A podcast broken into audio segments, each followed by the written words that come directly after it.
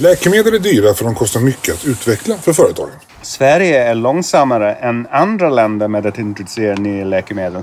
Det du just hörde är två påståenden om nya läkemedel som vi i NT-rådet hör ibland.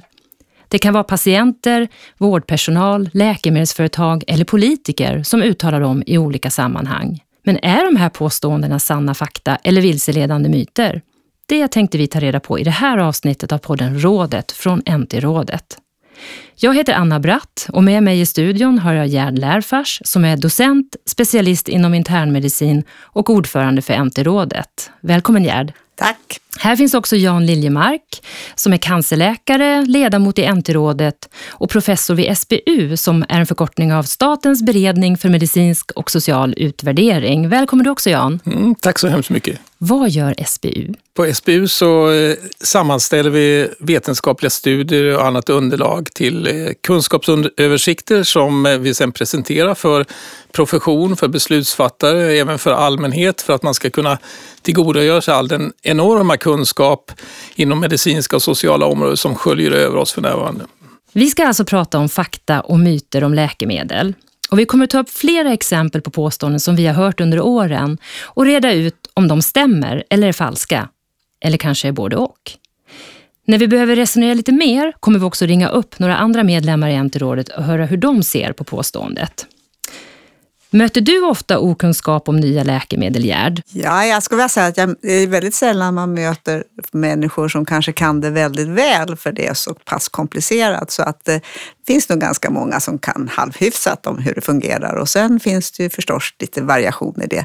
Men det är ju ett svårt område. Lagstiftning och allt som styr det här är ju inte helt enkelt. Det kan jag förstå. Och du då, Jan? Jo, men det är ju ett område som verkligen intresserar många och det finns stora ekonomiska intressen i det också. Vilket gör att det frodas en del föreställningar och en del myter som är lite intressanta att prata om. Mm, vad roligt, då ska vi göra det. För nu går vi över till våra fakta och myter. Läkemedel utgör en liten del av hälso och sjukvårdens budget. Gerd, hur ser du på det här? Alltså jag tycker att vi har mycket pengar för att eh, köpa läkemedel för. Det är visserligen man säger ungefär 10, ibland kanske lite mer procent av en budget vad gäller hälso och sjukvård och så. Men om man tittar till att det är en, en, del av vår budget som kan påverka och det är faktiskt ganska mycket pengar. Så jag tycker att det, det är ansenligt. Vi, har, vi har, köper läkemedel för, jag kan titta i Sverige, för över 30 miljarder. Det är mycket pengar och man kan verkligen se att, att det här ska man använda på bästa sätt.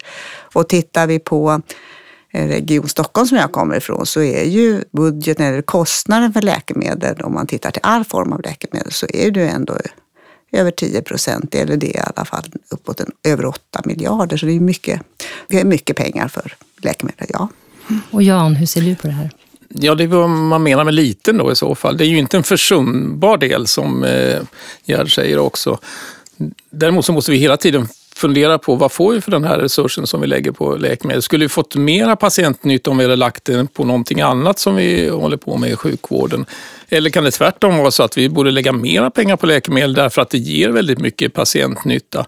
Och det är precis den avvägningen och de frågorna som vi håller på med i det här rådet, att se till att vi får mesta möjliga nytta och rättvis användning av våra resurser. Ja, precis som du säger Jan, det är ju, vad är lite och vad är rimligt att lägga på läkemedel i förhållande till andra? Och jag tycker att när man ser till hur stora behov det finns inom olika områden så kan ju ibland läkemedel bli lättare att lyfta upp därför att det är så lätt att mäta och visa på vad vi gör och inte gör kanske. Men det finns många områden som vi skulle behöva värdera och som vi nu har sett att vi måste lägga pengar på, som faktiskt har fått för lite resurser. Så då blir det en, det blir en, en fråga om, gör vi bäst nytta och så kanske är rimligt, men det kan bara åt båda håll. Nej, men det är precis som du säger, att det är ju lätt att, eller förhållandevis lätt att mäta effekten av läkemedel och vi vet precis vad de kostar. Medan många andra saker vi gör så har vi mycket sämre koll på. Och eh, därför är ju många från läkemedelsindustrin som ofta säger att ja, men ni tittar bara på läkemedel för det är det som är lättast att, att mäta medan ni missar massa andra saker. Ställ lika höga krav på andra områden. Och det försöker vi göra och börjar att göra nu och kräva bättre underlag även för andra insatser som vi gör i sjukvården. Till exempel medicintekniska produkter. Så hur ser vi på det här påståendet då? Är det sant eller falskt eller både och? Jag tycker att läkemedel utgör en stor del av, läke, liksom, av vår budget. Så då skulle jag vilja säga att det är falskt. Och Jan? Ja, jag skulle säga att det är övervägande delen falskt också. Det är inte en försumbar summa som vi lägger på läkemedel. Läkemedel är dyra för de kostar mycket att utveckla för företagen. Ja, det här är något som jag som medicinjournalist flera gånger har fått som förklaring till att ett nytt läkemedel är jättedyrt. Men vad säger ni Gerd och Jan? Jag kan ju börja med att tänka på hur det är när jag går och köper en ny bil. Då vill jag veta om den är snabb, är den säker, är den bekväm, eh, ser jag snygg ut när jag åker i den och framförallt också är det ett rimligt pris på den. Däremot så frågar jag inte bilförsäljaren, du hur mycket kostar det Volvo att utveckla den här modellen egentligen? Jag vill ju betala så mycket så att jag täcker deras utvecklingskostnader. Men så skulle man aldrig tänka när man köper någonting annat. Men just med läkemedel på något konstigt sätt så är det så man ska tänka när man ser på priserna på läkemedel. Det är nästan obegripligt för mig.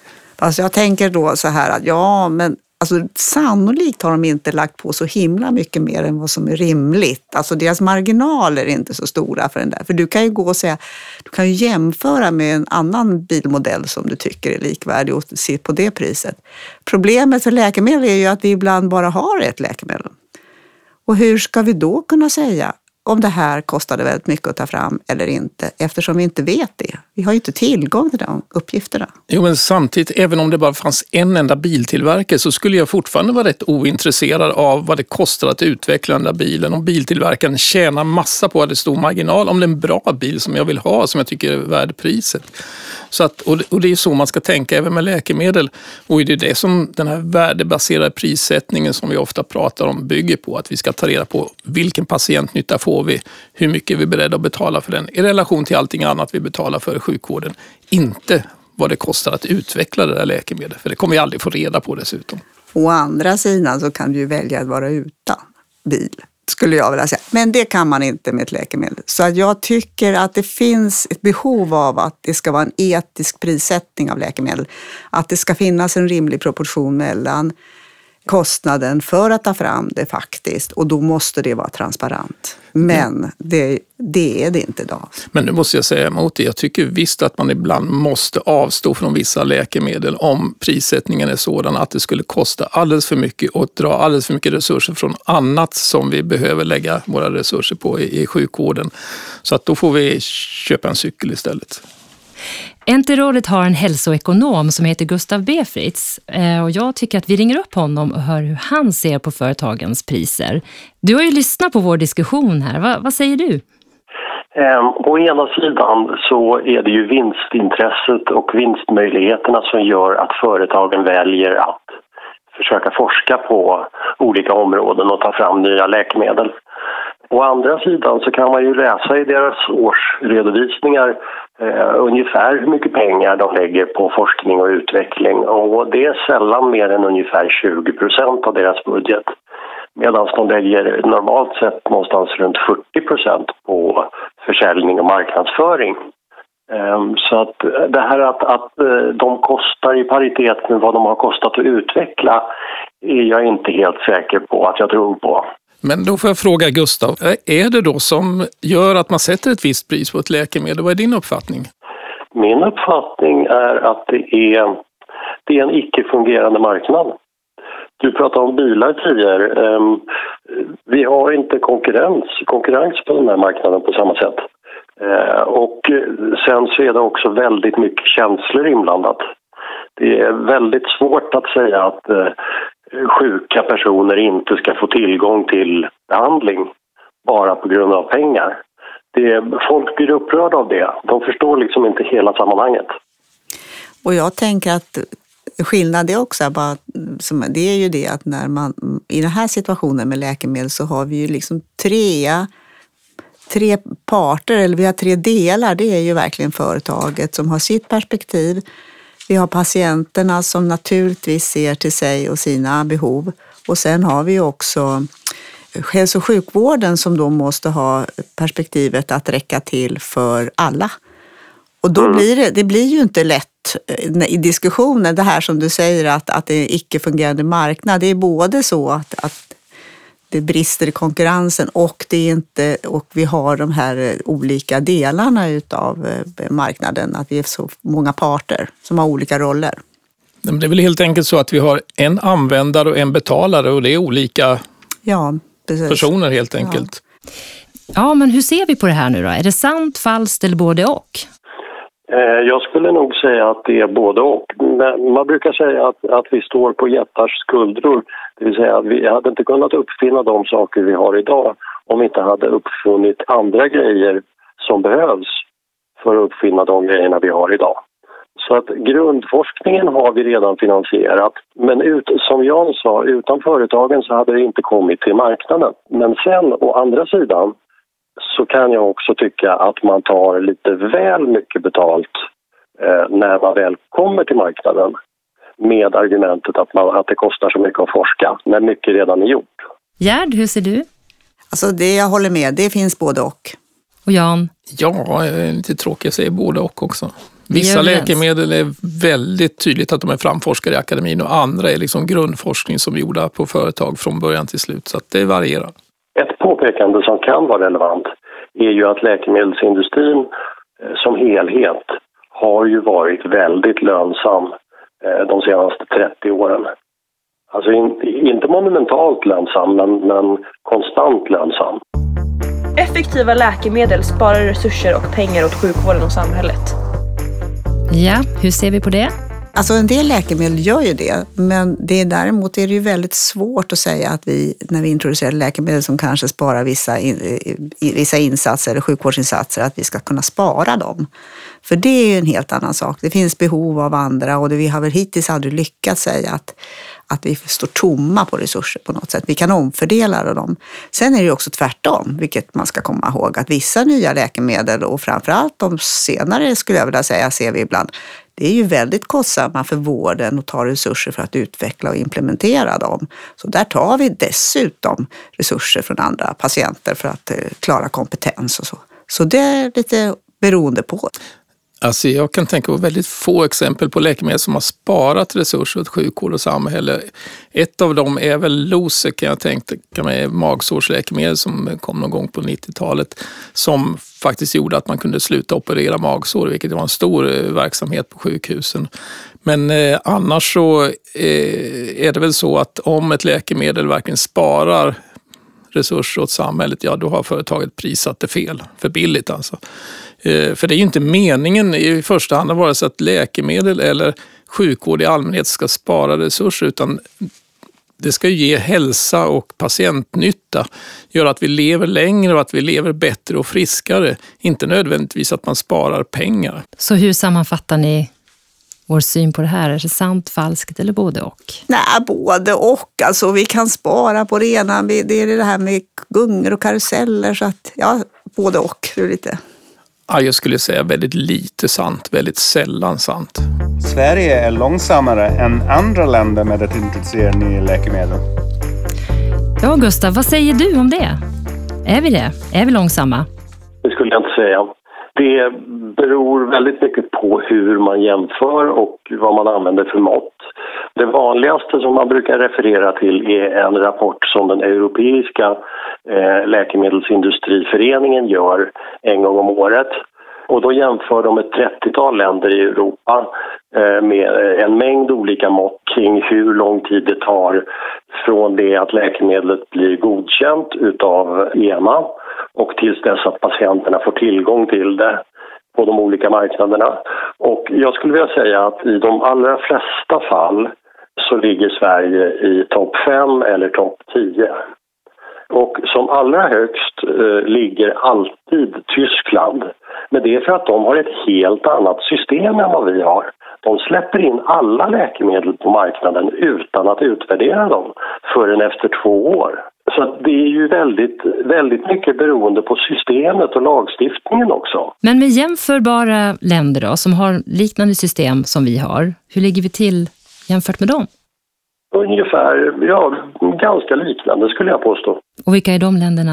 Ja, de skandinaviska länderna, Storbritannien, Tyskland, Nordeuropa, Nordvästeuropa.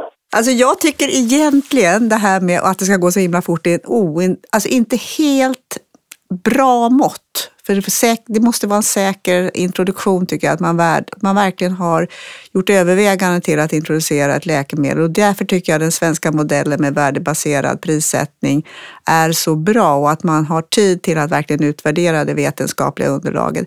Man måste ha klart för sig att det EMA gör, eller Läkemedelsverken, var det nu är någonstans, det är att värdera den liksom om nyttan överstiger risken med ett läkemedel. Man tar, tittar ju sällan på vad vi har för alternativa behandlingar, hur mycket det kostar, hur mycket undanträngningseffekter det är. Och även om man kanske bara har då, eh, man säger att man tar in alla och sen sätter ut dem, så vet vi att det är oerhört svårt att sätta ut läkemedel. Och det innebär att man under den första tiden ändå använt sina resurser för de här läkemedlen, som inte är så bra. Och därför så tror jag att det är viktigt att man från början gör rätt. Så rätt som vi kan göra, för det är inte alltid, alltså det är inte väldigt enkelt att värdera nya läkemedel ibland. Och sen kan man ju också tillägga att eh, den rapporten som det här argumentet vilar på, det är ju industrins branschförening som tar fram.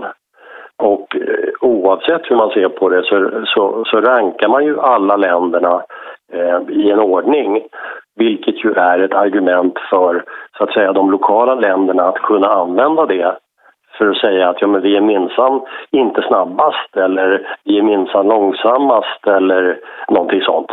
Anledningen till att FBA tar fram den här rapporten är för att hjälpa industrin att snabba på introduktionen av läkemedel.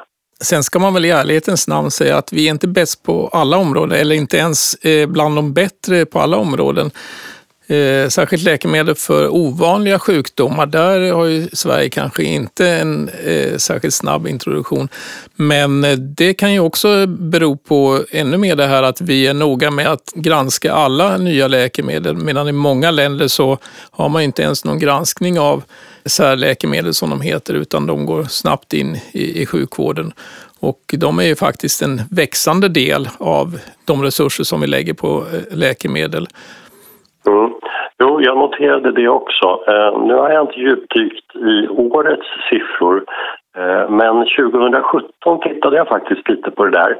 Och ett av skälen till att Sverige ligger dåligt till på särläkemedel eh, är att eh, ganska många helt enkelt inte introduceras i Sverige överhuvudtaget. Man kommer inte till den svenska marknaden. Så det, är liksom, det har ingenting med, med oss att göra utan det har med företagen att göra. De tycker inte att vår marknad är tillräckligt attraktiv. Så hur sammanfattar vi det här? Blir det en både och igen, eller? Ja, alltså, då ska jag säga lite mer åt det snabbare hållet, alltså lite falskt då. då. För jag tycker att vi ligger bra till med tanke på vår värdebaserade process. Ja, det är lite svårt att påstå, lite oprecist. Långsammare än andra länder. Det är klart vi är långsammare än vissa länder, men vi är inte långsammare än alla andra länder. Om det är det man eh, syftar på, ja då är det ju falskt. Och Gustav, vad säger du? Jag skulle nog säga falskt. Tack Gustav B. Fritz, hälsoekonom i NT-rådet för att du ville vara med i podden. Ja, tack själv. Och här kommer ett till påstående. Läkemedel som ges som injektion är effektivare och bättre än läkemedel som ges som tablett eller kapsel. Hur ser vi på det? Ja, alltså det är ju ett påstående som man har hört under många år och en väldigt eh, populär missuppfattning skulle jag vilja säga. Eh, det finns rätt intressant, kul forskning på det här. Och eh, nu är jag inte hundraprocentigt på det, så jag kanske sprider en myt här själv. Men jag hoppas att det ändå stämmer att vita tabletter eh, när man ger alltså sockerpiller har en viss effekt, viss placeboeffekt som det kallas. Röda tabletter de lär ha en starkare effekt bara för att de är röda. Medan gröna tabletter de har mera biverkningar än både de vita och de röda. Om man ger en spruta däremot eh, med bara en koksaltlösning så eh, har den ännu bättre effekt än någon sorts tabletter oavsett färg. Eh, och sen det allra effektivaste man kan göra om man vill ha en sån här placeboeffekt är ju att ge, göra en operation på patienten. Om man skär i en patient då får man väldigt stark effekt av det. Det har man sett när man har gjort såna här så kallade sham-operationer där man bara gör ett sår i huden och syr igen och låtsas att man har gjort en ordentlig operation. Ja, Gerd, vad säger du om det? Ja, alltså, det är ju det här med placebo och jag, jag tycker att det här visar, och jag kan inte litteraturen, men, men det Jan säger visar ju att man måste ha så långt det går studier, kliniska studier när man ska värdera sina läkemedel som faktiskt har en sån här arm med eh, placebotabletter för att veta att man har nytta av sitt läkemedel. Så jag tror vi är överens om att det här är falskt. NT-rådet överprövar EMA. Ja, det kanske vore bra med en kort beskrivning av vad NT-rådet och EMA gör. EMA, Läkemedelsverket, får, tala om, får säga om vi får använda ett läkemedel eller inte. TLV får säga om det är en rimlig prissättning på det hela, om det därför kan fylla och NT-rådet och regionerna då säger ja men det här läkemedlet vill vi använda därför att det faktiskt är kostnadseffektivt och bra och gör nytta och det finns ett behov av det. Men finns det någon slags överprövning från NT-rådet då av EMAs beslut? Ja, vi tittar ju på olika saker, vi har olika perspektiv, säger jag. Ja. Ja, det som EMA, Europeiska läkemedelsmyndigheten, alltså gör det är ju att bestämmer vilka läkemedel som får säljas i Europa, vilka som har en nytta som överstiger riskerna. För det måste man ha och det måste överstiga ordentligt för att man ska få sälja läkemedlet. Så det är egentligen ett beslut som inte riktar sig till sjukvården utan till läkemedelsföretagen, vad de får göra och inte göra. Sedan eh, NT-rådet och TLV de tittar ju också på kostnader och det gör inte EMA överhuvudtaget eller Svenska Läkemedelsverket. Så vi ställer relation den här nyttan som man har visat innan man får sälja ett läkemedel. Den nyttan ställer vi i relation till priset som företaget vill ha och bestämmer då, är det här någonting som vi tycker är försvarbart att använda eller inte? Så det är liksom olika perspektiv och olika frågor. Och vi tar ju inte ställning till det som EMA har sagt om nytta nyttan eller effekten eller riskerna, utan det accepterar vi rakt av. Däremot priset, det är en senare fråga.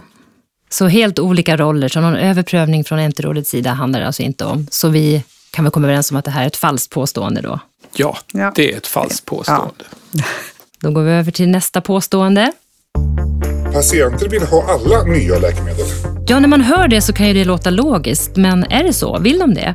En som vet mer om det här är Andreas Hager som är NT-rådets rådgivare i frågor som rör patientsamverkan. Och han är själv förälder till två barn med cystisk fibros. Ja, vad tror du? Vill patienter ha alla nya läkemedel? Ja, jag tror ju att... Jag tänker lite som att patienter är du som du och jag och eh, man ska nog ha väldigt stor respekt för vilka situationer människor befinner sig i. Och då tänker jag på två olika situationer. En kan ju vara om man själv är cancersjuk och ser döden i vitögat eller om man har en svårt sjukt barn i någon kronisk sjukdom så är det klart att man gör allt man kan för att, för att vända och vrida och se på vad det finns för möjligheter. En annan situation som jag tänker på är om man är medborgare i Sverige och tänker på Sverige som en välfärdsstat som har bra vård och bra behandling så finns det nog en allmän känsla av att det borde vara så att vi i Sverige har det bästa som finns att tillgå. Många patienter, precis som Andreas säger, när man är svårt sjuk, kanske livshotande sjuk, då vill man ju ha inte bara det som är nytt utan man vill också ofta ha det som inte ens är färdigforskat på. Man vill gärna vara med i kliniska prövningar bara för att ha en möjlighet till en chans till en bot i bästa fall, men bara en livsförlängning. Om man kan resa land och rike runt och även utomlands för att få den här eh, behandlingen. Så att eh, nog ligger det någonting i det här påståendet i, i vissa situationer.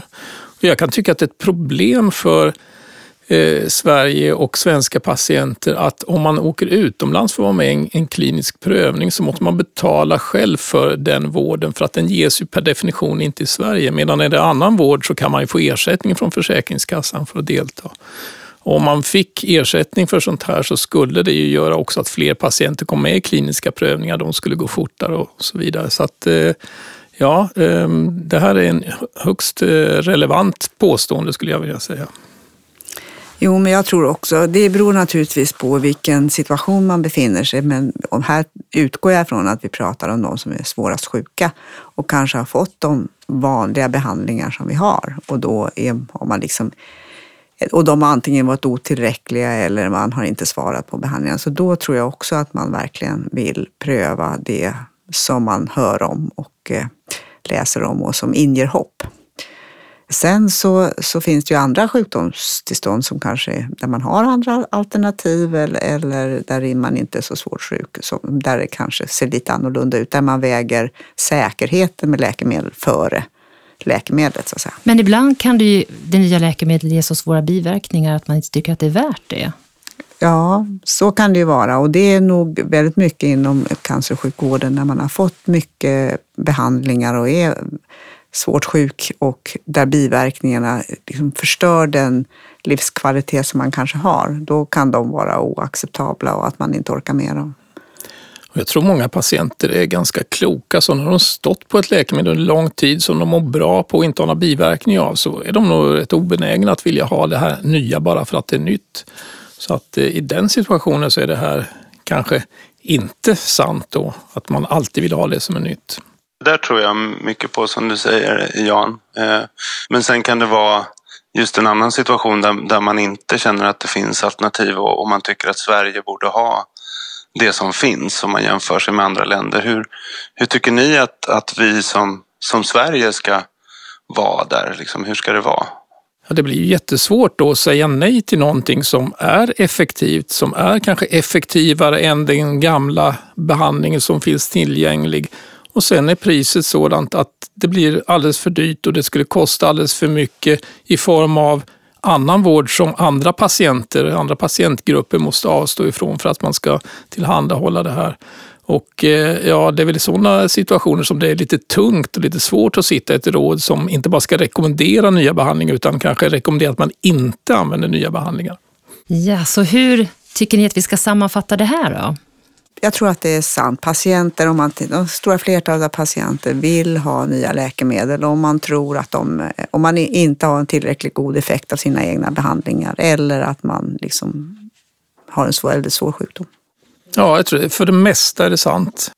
Ja, men jag tror också så. Jag tror att vi är ganska överens om att vi vill att Sverige ska vara, ligga i framkant. Sen, sen finns det svåra situationer och svåra avvägningar som alltid blir stora om inte minst pedagogiska utmaningar att få andra att förstå de överväganden som ligger bakom de rekommendationer som ges. Jag tänker där bara som en, nu när jag satt, stod och lyssnade på dig Andreas, jag tänker att det är också väldigt svårt när vi har läkemedel för eh, sällsynta sjukdomar där vi inte har någon behandling men som inte är speciellt bra.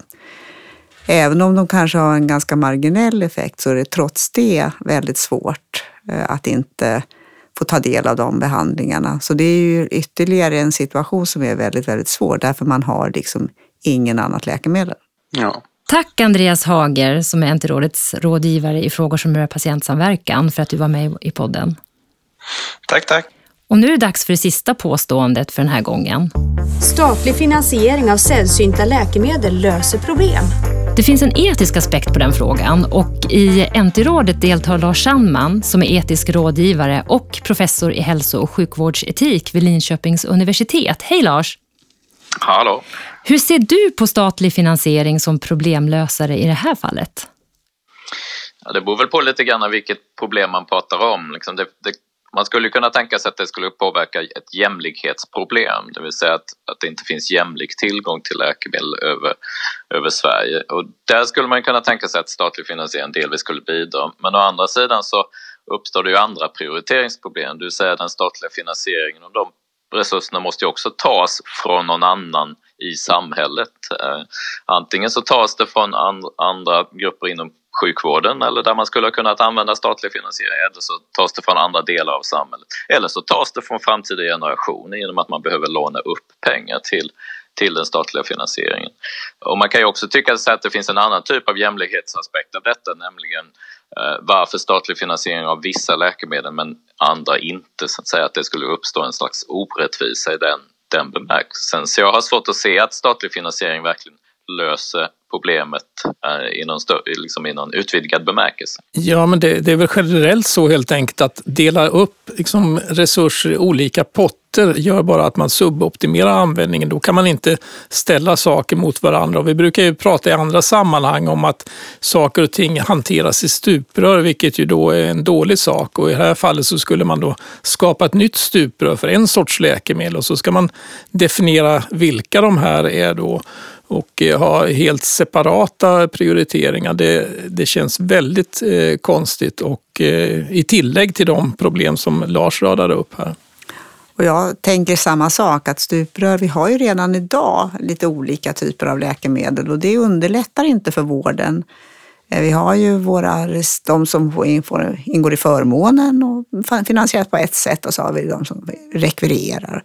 Och skulle vi få ytterligare en modell, kanske med någon form av pott, statlig pott, och så skulle vi stoppa in en tredje sorts läkemedel på det som finansieras på ytterligare ett sätt, så, så förenklar vi ju inte för hur vi ska se eh, horisontellt kring det här med läkemedel och inte, och vi ska titta heller över andra delar av resurserna i hälso och sjukvården. Så jag, jag tror att det finns väldigt stora ut, problem med att ha många olika potter eller olika sorts sätt att finansiera läkemedel. Så har vi dessutom smittskyddsläkemedel ja, som är ytterligare en pott faktiskt. Då. Ja, och licens. Ja, men det finns ju allt möjligt. Så. Nej, vi behöver inte en pott till. Vi, nej. Så vi sammanfattar det här som ett falskt påstående? Jajamensan. Ja, det tror vi. Ja, jag ser det också som ett problematiskt påstående. Tack till dig Lars Sandman, etisk rådgivare och professor i hälso och sjukvårdsetik vid Linköpings universitet för att du var med i podden. Tack. Idag har vi diskuterat påståenden om nya läkemedel och några av dem visar sig vara sanna, andra falska eller så innehåller de stråk av båda.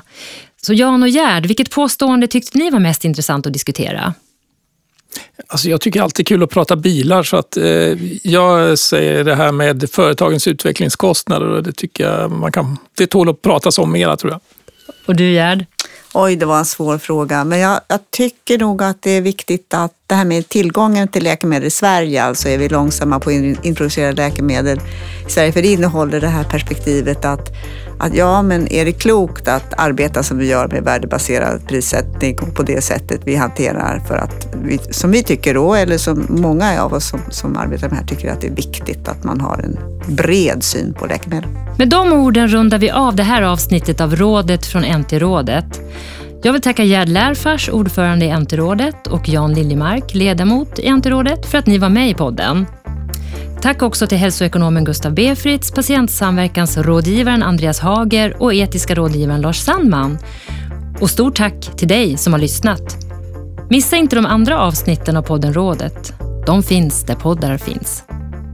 Rådet är en podcast från NT-rådet. NT-rådet ger rekommendationer till landets regioner om hur nya läkemedel ska användas. Information om NT-rådet hittar du på www.ntrådet.se.